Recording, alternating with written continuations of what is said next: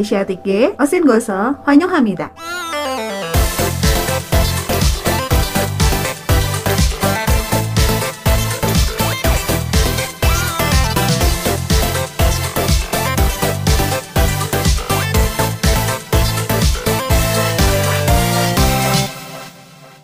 Salah satu hal yang bikin para fans K-pop ataupun K-drama patah hati itu adalah momen di mana aktornya atau idolnya itu harus vakum dulu untuk sementara waktu selama ya kurang lebih hampir 2 tahun karena mereka harus menjalani wajib militer. Ini tuh jadi satu momen yang bikin galau gitu. Aku pun pernah mengalami momen ini waktu G-Dragon harus pergi wamil. itu sungguh kayak aduh nggak rela gitu ya gimana nanti dia di sana tapi ya sebagai seorang warga negara Korea Selatan seorang laki-laki ya wajib harus pergi militer gitu sebenarnya nggak cuma para fans ya kadang kita juga suka ngelihat gimana aktor atau idolnya juga ikutan galau gitu mungkin kamu pernah baca atau denger berita atau mungkin kamu lihat di media sosial kalau wajib militer itu berat banget kan. Ada juga yang dijadiin tempat pelarian. Maksudnya gimana nih tempat pelarian? Misalnya ada beberapa case di mana ada satu idol atau aktor yang terjerat sama satu kasus. Nggak jarang tiba-tiba tuh muncul berita kalau mereka mau pergi wajib militer. Mungkin berita soal kasusnya agak ngegantung terus tiba-tiba muncul beritanya kalau mereka mau wajib militer gitu. Cuman pertanyaannya yang bikin aku penasaran jujur, tapi apakah wajib militer ini sebenarnya bisa dijadikan salah satu pelarian dari nyinyiran netizen kalau kena kasus? Sebenarnya enggak juga, karena after keluar pun mungkin kasusnya akan selalu diingat sama para netizen. Karena memang aku notice ya walaupun memang kasusnya mungkin uh, udah kekubur dengan kasus lain, tapi kayak mereka tuh masih bisa mengingat uh, kasus itu gitu. Dulu kan dia pernah jadi pelaku pembulian, misalnya pelaku kekerasan, atau dia pernah uh, mengemudi dalam kondisi mabuk, itu tuh pasti masih keinget dan masih kebawa sepanjang karir dari si aktor ataupun idol ini gitu. Walaupun memang udah masuk militer sekalipun, tetap pasti bakalan masih diingat. Cuman kalau bisa kita perhatiin lagi, sebenarnya kan di tempat wajib militer pun berat gitu. Ya nggak sih? Mungkin kalau misalnya kamu nonton drama, uh, tentang militer, let's say lah P yang nanti bakalan aku bahas juga, kan berat ya di militer ya. Apakah bisa untuk pergi wamil dijadikan sebagai pelarian? Tapi perlu diingat nggak semua um, kejadian di DP ini tuh atau kejadian-kejadian yang tidak mengenakan dan menyenangkan itu memang terjadi di wajib militer. Ada beberapa tentara yang baik, tapi ada beberapa tentara yang oknum gitu. Itu yang perlu kita bedain.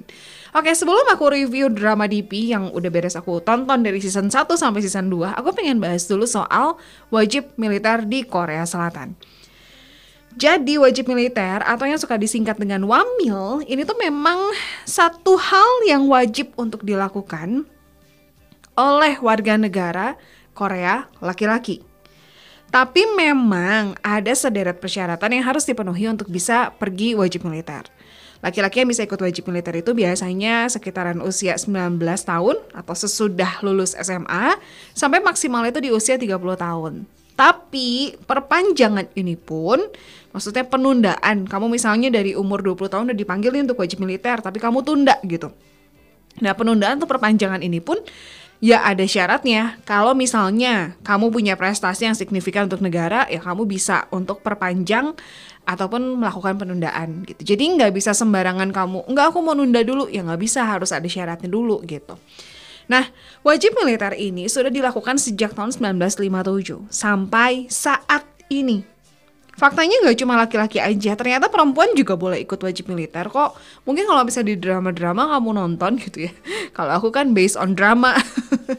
Jadi maksudnya kalau di drama itu aku menemukan ada beberapa tentara yang jenis kelaminnya perempuan gitu nggak cuma laki-laki doang. Jadi ternyata perempuan juga boleh ikutan wajib militer tapi sifatnya tuh nggak wajib. Perempuan bisa daftar di korps pelatihan perwira cadangan gitu. Jadi mereka bisa jadi tentara Cuman kalau misalnya ngomongin soal wajib militer ya mereka nggak wajib militer. Jadi pilihan mereka lah ya. Nah sebenarnya nggak cuma Korea Selatan aja yang mewajibkan warga negaranya, terutama yang laki-laki untuk wajib militer. Negara-negara lain juga gitu.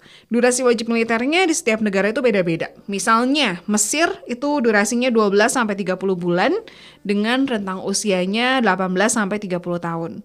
Singapura, negara tetangga kita, ini juga menerapkan wajib militer untuk laki-laki usia 18 tahun, bahkan mereka harus sudah mendaftar wajib militer di usia 16 setengah tahun baru nanti mungkin dipanggil di usia 18 tahun untuk menjalankan tugasnya. Periode wamilnya sendiri itu sekitar 22 sampai 24 bulan. China ini juga sama, mewajibkan warganya untuk mendaftar wajib militer. Untuk laki-laki yang berusia 18 sampai 22 tahun itu harus wamil selama 2 tahun. Norwegia ini juga mewajibkan militer bahkan untuk laki-laki dan perempuan. Usianya sekitar 19 tahun, uh, durasi wajib militernya 6 sampai 12 bulan. Rusia juga jadi salah satu negara yang punya sistem wajib militer dari lama dari tahun 1874 di Kekaisaran Rusia yang dipimpin oleh Dmitry Milyutin. Warga negara laki-laki Rusia yang berusia 27 tahun itu wajib mengikuti militer selama 12 sampai 18 bulan. Thailand juga sama ya. Ini mungkin kalau misalnya kamu ngikutin berita soal God7, uh, salah satu membernya kan warga negara Thailand, Bem Bem.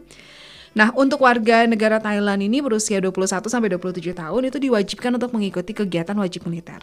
Program ini tuh berlaku untuk semua laki-laki sekalipun mereka sudah mengubah jenis kelaminnya. Ya, mungkin sama-sama tahu lah ya. Um, tapi sistem di Thailand ini tuh diundi sistemnya tuh. Jadi kalau misalnya hasil undinya nggak harus wamil ya nggak usah ikutan. Ya waktu itu Bem Bem ikutan ngumpul tuh kan sama cowok-cowok yang lain gitu yang udah daftar wajib militer. Nah nanti si petugas wajib militer itu akan ngambil undian yang isinya nama mereka. Kalau misalnya pas diambil ternyata nama kamu disebutin ya kamu harus pergi wamil gitu. Tapi kalau enggak ya enggak. Jadi misalnya dari 10 orang cuman 8 orang yang terpilih untuk wamil, dua lagi berarti nggak harus pergi wamil gitu. Nah waktu bem bem tuh sempat rame, aku sempat lihat di YouTube atau di medsos gitu ya, atau di Instagram atau Instagram, ya Instagram sih um, proses di mana waktu lagi undi namanya itu terus bem memang gak kepilih. Ya. Um, sebenarnya masih banyak banget negara-negara yang lain yang juga menerapkan sistem wajib militer.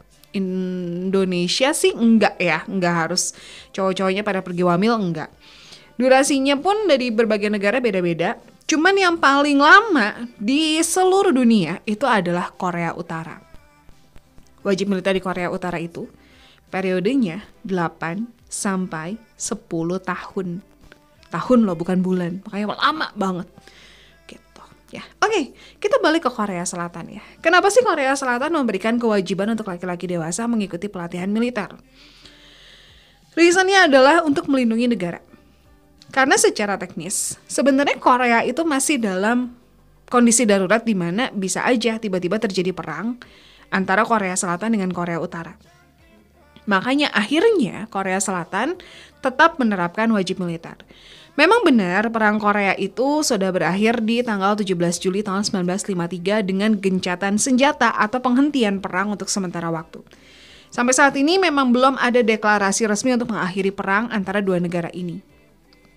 Moon Jae-in di bulan Desember tahun 2021 ketika dia masih menjabat sebagai presiden sempat menyampaikan niatnya untuk mengakhiri perang dengan Pyongyang. Cuman sampai saat ini sampai sekarang gitu masih belum sih. Jadi bisa dibilang Wamil ini tuh kayak pengingat kalau Korea Utara itu masih gencar melakukan uji coba misi nuklir dan Korea Selatan harus siap-siap karena takutnya kan ada gencatan serangan atau perang gitu. Jadi ya mereka juga harus preparing dong makanya cowok-cowok di Korea Selatan ya harus wamil supaya kalau misalnya terjadi perang mereka udah punya kemampuan lah untuk perang gitu. Nah, untuk bisa mengikuti wajib militer di Korea, ada yang mendaftar secara sukarela, ya. Tapi ada juga yang mendapatkan surat panggilan dari pemerintah. Di film DP sendiri itu diceritain sih dua-duanya. Jadi memang ada yang daftar secara sukarela kayak An Jun Ho, karakter utamanya. Itu memang dia daftar wajib militer untuk kabur ceritanya. Tapi ada juga yang memang mendapatkan panggilan. Dia belum mau pergi wamil tapi surat panggilannya udah datang. Jadi mau nggak mau dia harus pergi wamil gitu. Nah, biasanya yang dapat surat panggilan ini karena usianya udah mendekati batas maksimal yaitu 30 tahun, tapi dia belum daftar-daftar. Akhirnya pemerintah lah yang langsung manggil dia melalui surat untuk pergi wajib militer. Nah, walaupun sifatnya wajib, tapi nggak semua orang, nggak semua cowok di Korea Selatan itu bisa ikutan wajib militer. Kenapa? Karena untuk bisa masuk wamil itu ada beberapa pemeriksaan. Kayak misalnya pemeriksaan kesehatan fisik, terus pemeriksaan kesehatan mental. By the way, laki-laki dengan kelainan seksual itu nggak bisa mengikuti wamil di Korea Selatan. Kenapa? Karena dianggap mengalami gangguan mental. Gitu. Jadi makanya mereka yang nggak ikutan wamil. Tes kesehatan ini juga selain untuk memastikan bahwa para pendaftar itu dalam keadaan sehat, tes ini juga akan menentukan apakah mereka bakalan jadi tentara aktif atau jadi pelayan publik atau public service. Jadi mungkin kalau misalnya ada kondisi kesehatan tertentu yang bikin si pelamar atau si calon tentara ini nggak bisa jadi tentara aktif, ya mau nggak mau mereka akhirnya jadi pelayan publik. Mungkin juga teman-teman semua um, kalau merhatiin berita-berita seputar kayak entertainment, pasti notice gitu ketika ada pengumuman si idol atau si aktor ini pergi wamil itu bakal diumumin apakah dia jadi tentara aktif atau dia jadi pelayan publik. Nah biasanya pelayan publik itu ada sikon-sikon tertentu. Misalnya memang pernah cederakah yang cukup parah, pernah mengalami uh, operasi yang besar gitu. Pokoknya ada sikon-sikon tertentu yang akhirnya bikin dia jadi pelayan publik. Terus ada juga sikon tertentu di mana awalnya dia tentara aktif nih, tapi akhirnya dipindahin jadi pelayan publik karena misalnya ada uh, masalah di kesehatan mental dia gitu. Akhirnya ya udah jadi pelayan publik. Karena untuk jadi tentara aktif itu memang tidak mudah. Kan kita harus pegang senjata, kita harus berurusan dengan berbagai macam jenis senjata dan itu tuh nggak bisa sembarangan gitu karena kalau sembarangan kan ngebahayain diri sendiri ngebahayain tentara-tentaranya juga ataupun lingkungan sekitarnya gitu makanya benar-benar harus diperhatiin ya nah hasil tes kesehatannya ini nanti bakalan dibagi jadi tiga bagian jadi ada level-levelnya nih. Level 1 sampai 3 itu bisa jadi tentara aktif. Level 4 itu jadi public service. Sementara kalau misalnya tes kesehatan itu hasilnya nilainya 5 sampai 7, itu dinyatakan bebas wamil. Maksudnya apa bebas wamil? Jadi kalau misalnya pernah mengalami cedera parah sampai kehilangan anggota tubuh. Kehilangan anggota tubuh itu maksudnya gimana? Misalnya diamputasi atau misalnya giginya harus dicabut itu karena memang si sikon tertentu ya bukan sengaja dicabut giginya ya tapi karena si sikon tertentu gitu misalnya akhirnya dia bisa bebas wamil contohnya Yu Ain dia dibebaskan dari wajib militer karena dia pernah mengalami cedera bahu dan uh, dinyatakan kanker tulang. Yu Ain sudah menjalani tes wajib militer sebanyak lima kali, cuman hasilnya dia dinyatakan tidak layak mengikuti wajib militer. Ya. Terus Kim Woo Bin, dia juga dibebaskan dari wamil karena dia menderita kanker nasofaring. Kim Ubin pernah menjalani tes wamil dan masuk ke dalam tingkat 6. Jadi akhirnya dia dibebaskan wamil. Kita, kita tahu ya cerita Kim Ubin dan ini pun sedih banget soalnya after dia uh, peranin drama di drama itu dia kan sakit Terus tiba-tiba muncul berita dia beneran sakit kayak ah tidak. ya, untung sekarang sudah baik-baik ya masih bisa beraktivitas lagi dan balik ke layar kaca dan layar lebar juga. Terus berikutnya ada So In Guk yang juga bebas dari wajib militer karena mengalami um, kondisi di mana tulang yang ada di bawah tulang rawan dia itu uh, rusak gara-gara kekurangan aliran darah. So In Guk tahu penyakitnya tuh di tahun 2015 ya. Terus dia masih nunda wamilnya sampai 2017 mungkin sambil coba untuk berobat dan lain sebagainya. Terus dia pernah coba daftar, ikut pelatihan dasar juga, tapi ternyata latihan dasar militer itu malah bikin kondisi kesehatannya makin buruk. Jadi akhirnya dia ya udah dibebaskan dari wamil. Udah gitu ada Simon Dominic, uh, rapper dari AOMG yang ternyata juga bebas dari wamil karena dia pernah mengalami cedera pada mata bagian kirinya karena kecelakaan. Dan salah satu syarat untuk bisa wamil itu adalah punya penglihatan yang jelas. Ya. Terus udah gitu ada Sang Hyuk dari N Flying yang juga bebas dari wamil karena dia pernah mengalami cedera. Jadi di tahun 2014 dia itu mengalami operasi sebanyak dua kali gara-gara cedera kaki. Gitu. Jadi akhirnya dia juga dinyatakan bebas wamil. Itu sikon yang pertama. Terus selain uh, kehilangan anggota tubuh atau pernah menjalani operasi ya yang cukup besar operasinya, kalau misalnya si calon pendaftar ini juga mengidap satu penyakit yang penyakitnya tuh bisa kambuh sewaktu-waktu atau punya gangguan mental berat termasuk kelainan seksual tadi itu juga uh, dinyatakan bebas dari wajib militer. Terus misalnya kondisi ekonomi yang terbatas, case-nya misalnya si calon pendaftar ini adalah tulang punggung keluarga, maka dia bisa dinyatakan bebas wamil. Misalnya ada Jong Jun Ha, dia bebas wamil karena dalam empat generasi keluarganya itu cuma dia satu-satunya cowok di sana gitu. Terus Jo Jung Suk, ini kayaknya pernah aku bahas juga deh. Dia itu uh, dinyatakan bebas wamil oleh Kementerian Pertahanan karena dia jadi tulang punggung keluarga. Dan di masa itu dia masalah ekonominya juga cukup solid. Lalu reason lainnya latar belakang pendidikan itu juga turut menjadi syarat wajib militer. Hmm, mungkin kalau teman-teman tahu salah satu rapper dari YG Entertainment yaitu NG Won. Dia dinyatakan bebas wamil karena masalah pendidikan. Kenapa? Apakah dia nggak sekolah? Jadi NG Won ini dulunya kan tinggal di Korea. Terus dia pindah ke Hawaii. Dia lanjutin pendidikan di sana. Nah, ternyata um, rapotnya lah ya rapot dari di Hawaii itu tuh dianggap tidak berlaku di Korea di pendidikan Korea gitu jadi akhirnya Enjiwan dianggap lulusan sekolah dasar di Korea. Makanya akhirnya dia dinyatakan bebas hamil. Terus ada Jung Jun Yong, itu juga sama karena pekerjaan papahnya. Akhirnya dia pindah-pindah ke luar negeri kan. Jadi ya Jun Jun Yong juga sekolah di luar negeri. Gitu. Terus ya begitu balik ke Korea, uh, si ya let's say lah rapotnya tuh dinyatakan tidak berlaku di Korea. Jadi ya gitu. Terus ada produser sekaligus aktor yaitu Jung Woo Sung. Dia juga bebas hamil karena dia nggak punya ijazah sekolah menengah dia nggak bisa melanjutkan studinya karena faktor ekonomi pada saat itu. Ya, puji Tuhannya sekarang sukses gitu ya. Jadi ada beberapa hal yang bikin uh, akhirnya para pendaftar ini dinyatakan bebas hamil. Jadi selain masalah kesehatan tadi uh, ada juga latar belakang pendidikan ataupun status ekonomi kalau misalnya dia tulang punggung keluarga itu juga dinyatakan bebas hamil. Terus ada beberapa atlet yang bebas wamil, misalnya kayak Iyongde, dia tuh atlet bulu tangkis yang dinyatakan bebas wamil setelah dia memenangkan medali emas untuk Olimpiade bareng sama Lee Hyo Jung.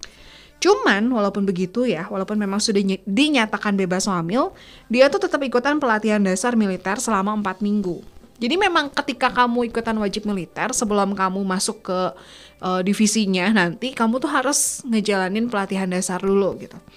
Nah, terus ada lagi Pak Tehwan, atlet renang yang mendapatkan hak istimewa bebas wamil setelah meraih medali emas untuk Olimpiade musim panas 2008 dan Asian Games tahun 2010. Tapi sama, dia juga tetap ngejalanin pelatihan dasar selama 4 minggu.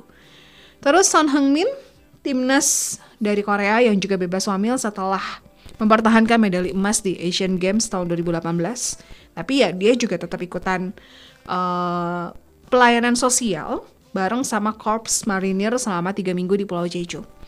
Ada Ryu Hyujin, ini juga bebas dari wamil karena timnas baseball Korea berhasil memenangkan medali emas dalam Olimpiade Beijing 2008. Ya, nah itu ada beberapa uh, contoh di mana mereka bisa bebas wamil. Terus kalau misalnya nggak daftar-daftar, udah gitu udah di usianya yang mendekati batas maksimal tapi masih juga belum daftar, udah dipanggil, dikirimin surat tapi tetap nggak datang juga, apa yang akan terjadi kalau misalnya mangkir dari wajib militer? Kamu bakalan jadi buronan. Wamil ini tuh masalah yang sangat amat serius di Korea Selatan. Dulu pernah ada satu penyanyi yang terkenal banget namanya Steve Yu. Dia dikenal sebagai orang yang mangkir dari wajib militer. Jadi, salah satu cara untuk terhindar dari wajib militer adalah dengan pindah ke warga negaraan. Cuman, kalau misalnya kita punya dua status kewarganegaraan gimana? Sebenarnya Korea itu mengizinkan dua kewarganegaraan sebenarnya. Misalnya satu kewarganegaraan Korea, satu lagi kewarganegaraan Amerika misalnya. Tapi nanti sebelum ulang tahun ke-18 tahun, kamu tuh harus pilih salah satu. Kamu mau jadi warga negara Korea Selatan atau warga negara yang satu lagi. Dan kalau kamu pilih warga negara Korea Selatan ya kamu tetap harus pergi wamil dong. Nah, balik lagi ke kasusnya Stevie Jadi dia tuh pakai cara itu. Cara mengganti ke warga negaraan. Di tahun 1990-an di masa kejayaannya dia dan itu memang satu fase ya golden time media lah ya. Steve Yo ini dikenal sebagai seorang penyanyi yang memang fasih berbahasa Inggris karena dulu tuh dia sempat tinggal di Amerika Serikat. Dia terkenal banget dan punya banyak fans ya. Di salah satu wawancara kan suka ditanya tuh ya biasanya ya uh, idol-idol gitu kapan pergi wamil? Ada rencana untuk pergi wamilnya kapan gitu? Karena kan mungkin ya fansnya juga harus siapin hati ya. Nah dia tuh selalu bilang gitu. Ketika ditanya dia bilang kalau dia bakalan ikut wajib militer. Karena itu salah satu kewajiban warga negara Korea Selatan gitu. Nah satu kali tiba-tiba Steve Yo itu pamit. Dia mau ke Amerika untuk kunjungin keluarganya. Terus eh, nggak uh, lama dia balik ke Korea. Tapi pada saat balik ke Korea itu dia menggunakan paspor Amerika jadi bisa dibilang dia tuh udah pindah ke warga negaraan, jadi warga negara Amerika. Nah, ini adalah salah satu bentuk praktek kecurangan yang mungkin sudah cukup banyak dilakukan oleh orang-orang kaya di Korea untuk menghindar dari wamil. Ya, setelah diselidiki, oh ternyata Steve Yu curang nih. Nah, masalahnya adalah Steve Yu itu kan public figure. Pemerintah Korea akhirnya memutuskan untuk menghukum dia karena telah memberikan contoh buruk dan mempertanyakan nasionalismenya dia. Dia di ban, akhirnya di blacklist, dan seumur hidup dia nggak boleh nginjekin kaki lagi di Korea Selatan. Di tahun 2015, Steve Yo itu pernah bikin satu video permintaan maaf. Dia sambil berlutut, sambil nangis, dia minta maaf gitu. Tapi tetap dia nggak dimaafin dan dia nggak boleh masuk ke Korea Selatan lagi gitu jadi seserius itu Nah, setiap laki-laki yang mengikuti wajib militer pasti akan mengikuti pelatihan dasar dulu selama kurang lebih 4 minggu. Latihan dasar ini tuh bentuknya jadi kayak baris berbaris, udah gitu latihan lari, lompat, push up, daki gunung pakai tas ransel militer yang lengkap sambil bawa senjata, udah gitu latihan senjata api juga. Nah pokoknya sesudah beres pelatihan dasar ini baru deh mereka ke divisi masing-masing. Dan masing-masing divisi itu punya durasi wamil yang beda-beda ya, nggak semuanya sama. Jadi misalnya tentara sama korps marinir itu durasinya 18 bulan, angkatan laut itu 20 bulan, angkatan udara 22 bulan, sementara kalau untuk public service itu 21 bulan. Selama masa pelatihan militer dan ketika menjalani wajib militer, ada beberapa hal yang harus diperhatikan. Jadi biasanya orang yang udah ikut wamil itu, kalau misalnya kamu perhatiin ya, agak shock dengan perkembangan dunia, jadi agak kudet gitu loh. Contohnya aku notice adalah G-Dragon. dia waktu bebas wamil, benar-benar baru keluar dari uh, divisinya dia gitu, di hari kebebasannya dia itu, dia kan udah ditungguin sama banyak orang. Nah terus dia tuh bingung gitu dengan toa. Pas baru keluar wamil dia kayak kebingungan gitu loh. Jadi memang semua ikut wajib militer itu bener-bener nggak bisa pegang gadget. Mereka bener-bener terisolasi sekali lah. Cuman boleh nonton TV, itu pun acaranya diatur sama kepala batalion dari masing-masing. Kalau mau kontak keluarga juga cuma bisa lewat telepon biasa atau surat. Um, barang-barang pribadi semuanya juga bakal dikirimkan ke keluarga mereka supaya tetap aman gitu. Contohnya adalah loko. Loko waktu itu nelfon Grey pakai telepon umum. Aku nggak tahu sih apakah Loko menghafalkan nomor teleponnya Grey gitu ya. Terus sama Grey nggak diangkat karena kan Grey pikir lah ini nomor asing yang ngapain diangkat juga? gitu. Takutnya kan saseng atau apa kan jadi akhirnya nggak pernah diangkat nomor itu. Sampai satu kali nggak sengaja sama Grey diangkat gitu si telepon itu tuh dari nomor asing gitu. Dan begitu Grey angkat Lokonya langsung ngomong Hyung Hyung ini aku Loko. Jangan ditutup gitu jadi dia nggak bisa kontak Hyungnya dengan handphonenya dia karena kan handphonenya dia udah ada di keluarganya gitu. Makanya dia kontaknya pakai telepon umum. Begitu ya.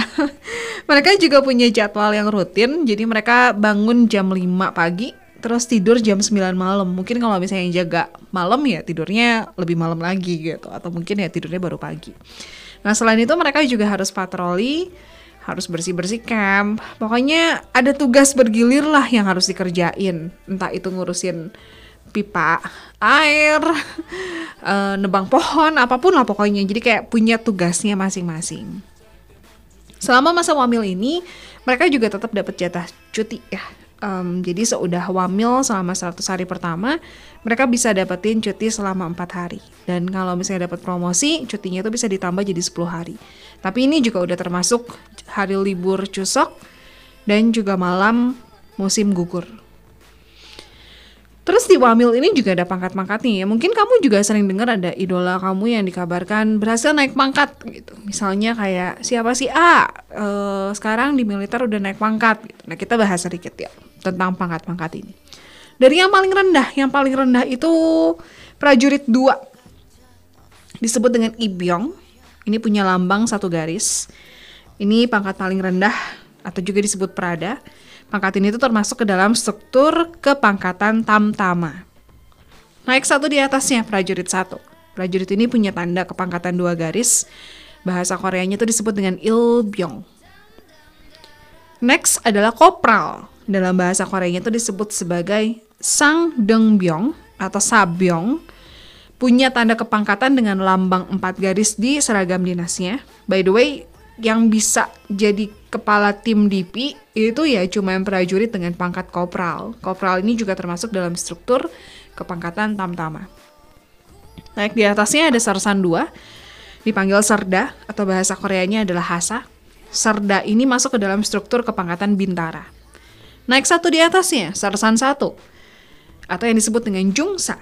Ini adalah pangkat junior bagi sangsa dan wongsa, termasuk ke golongan bintara.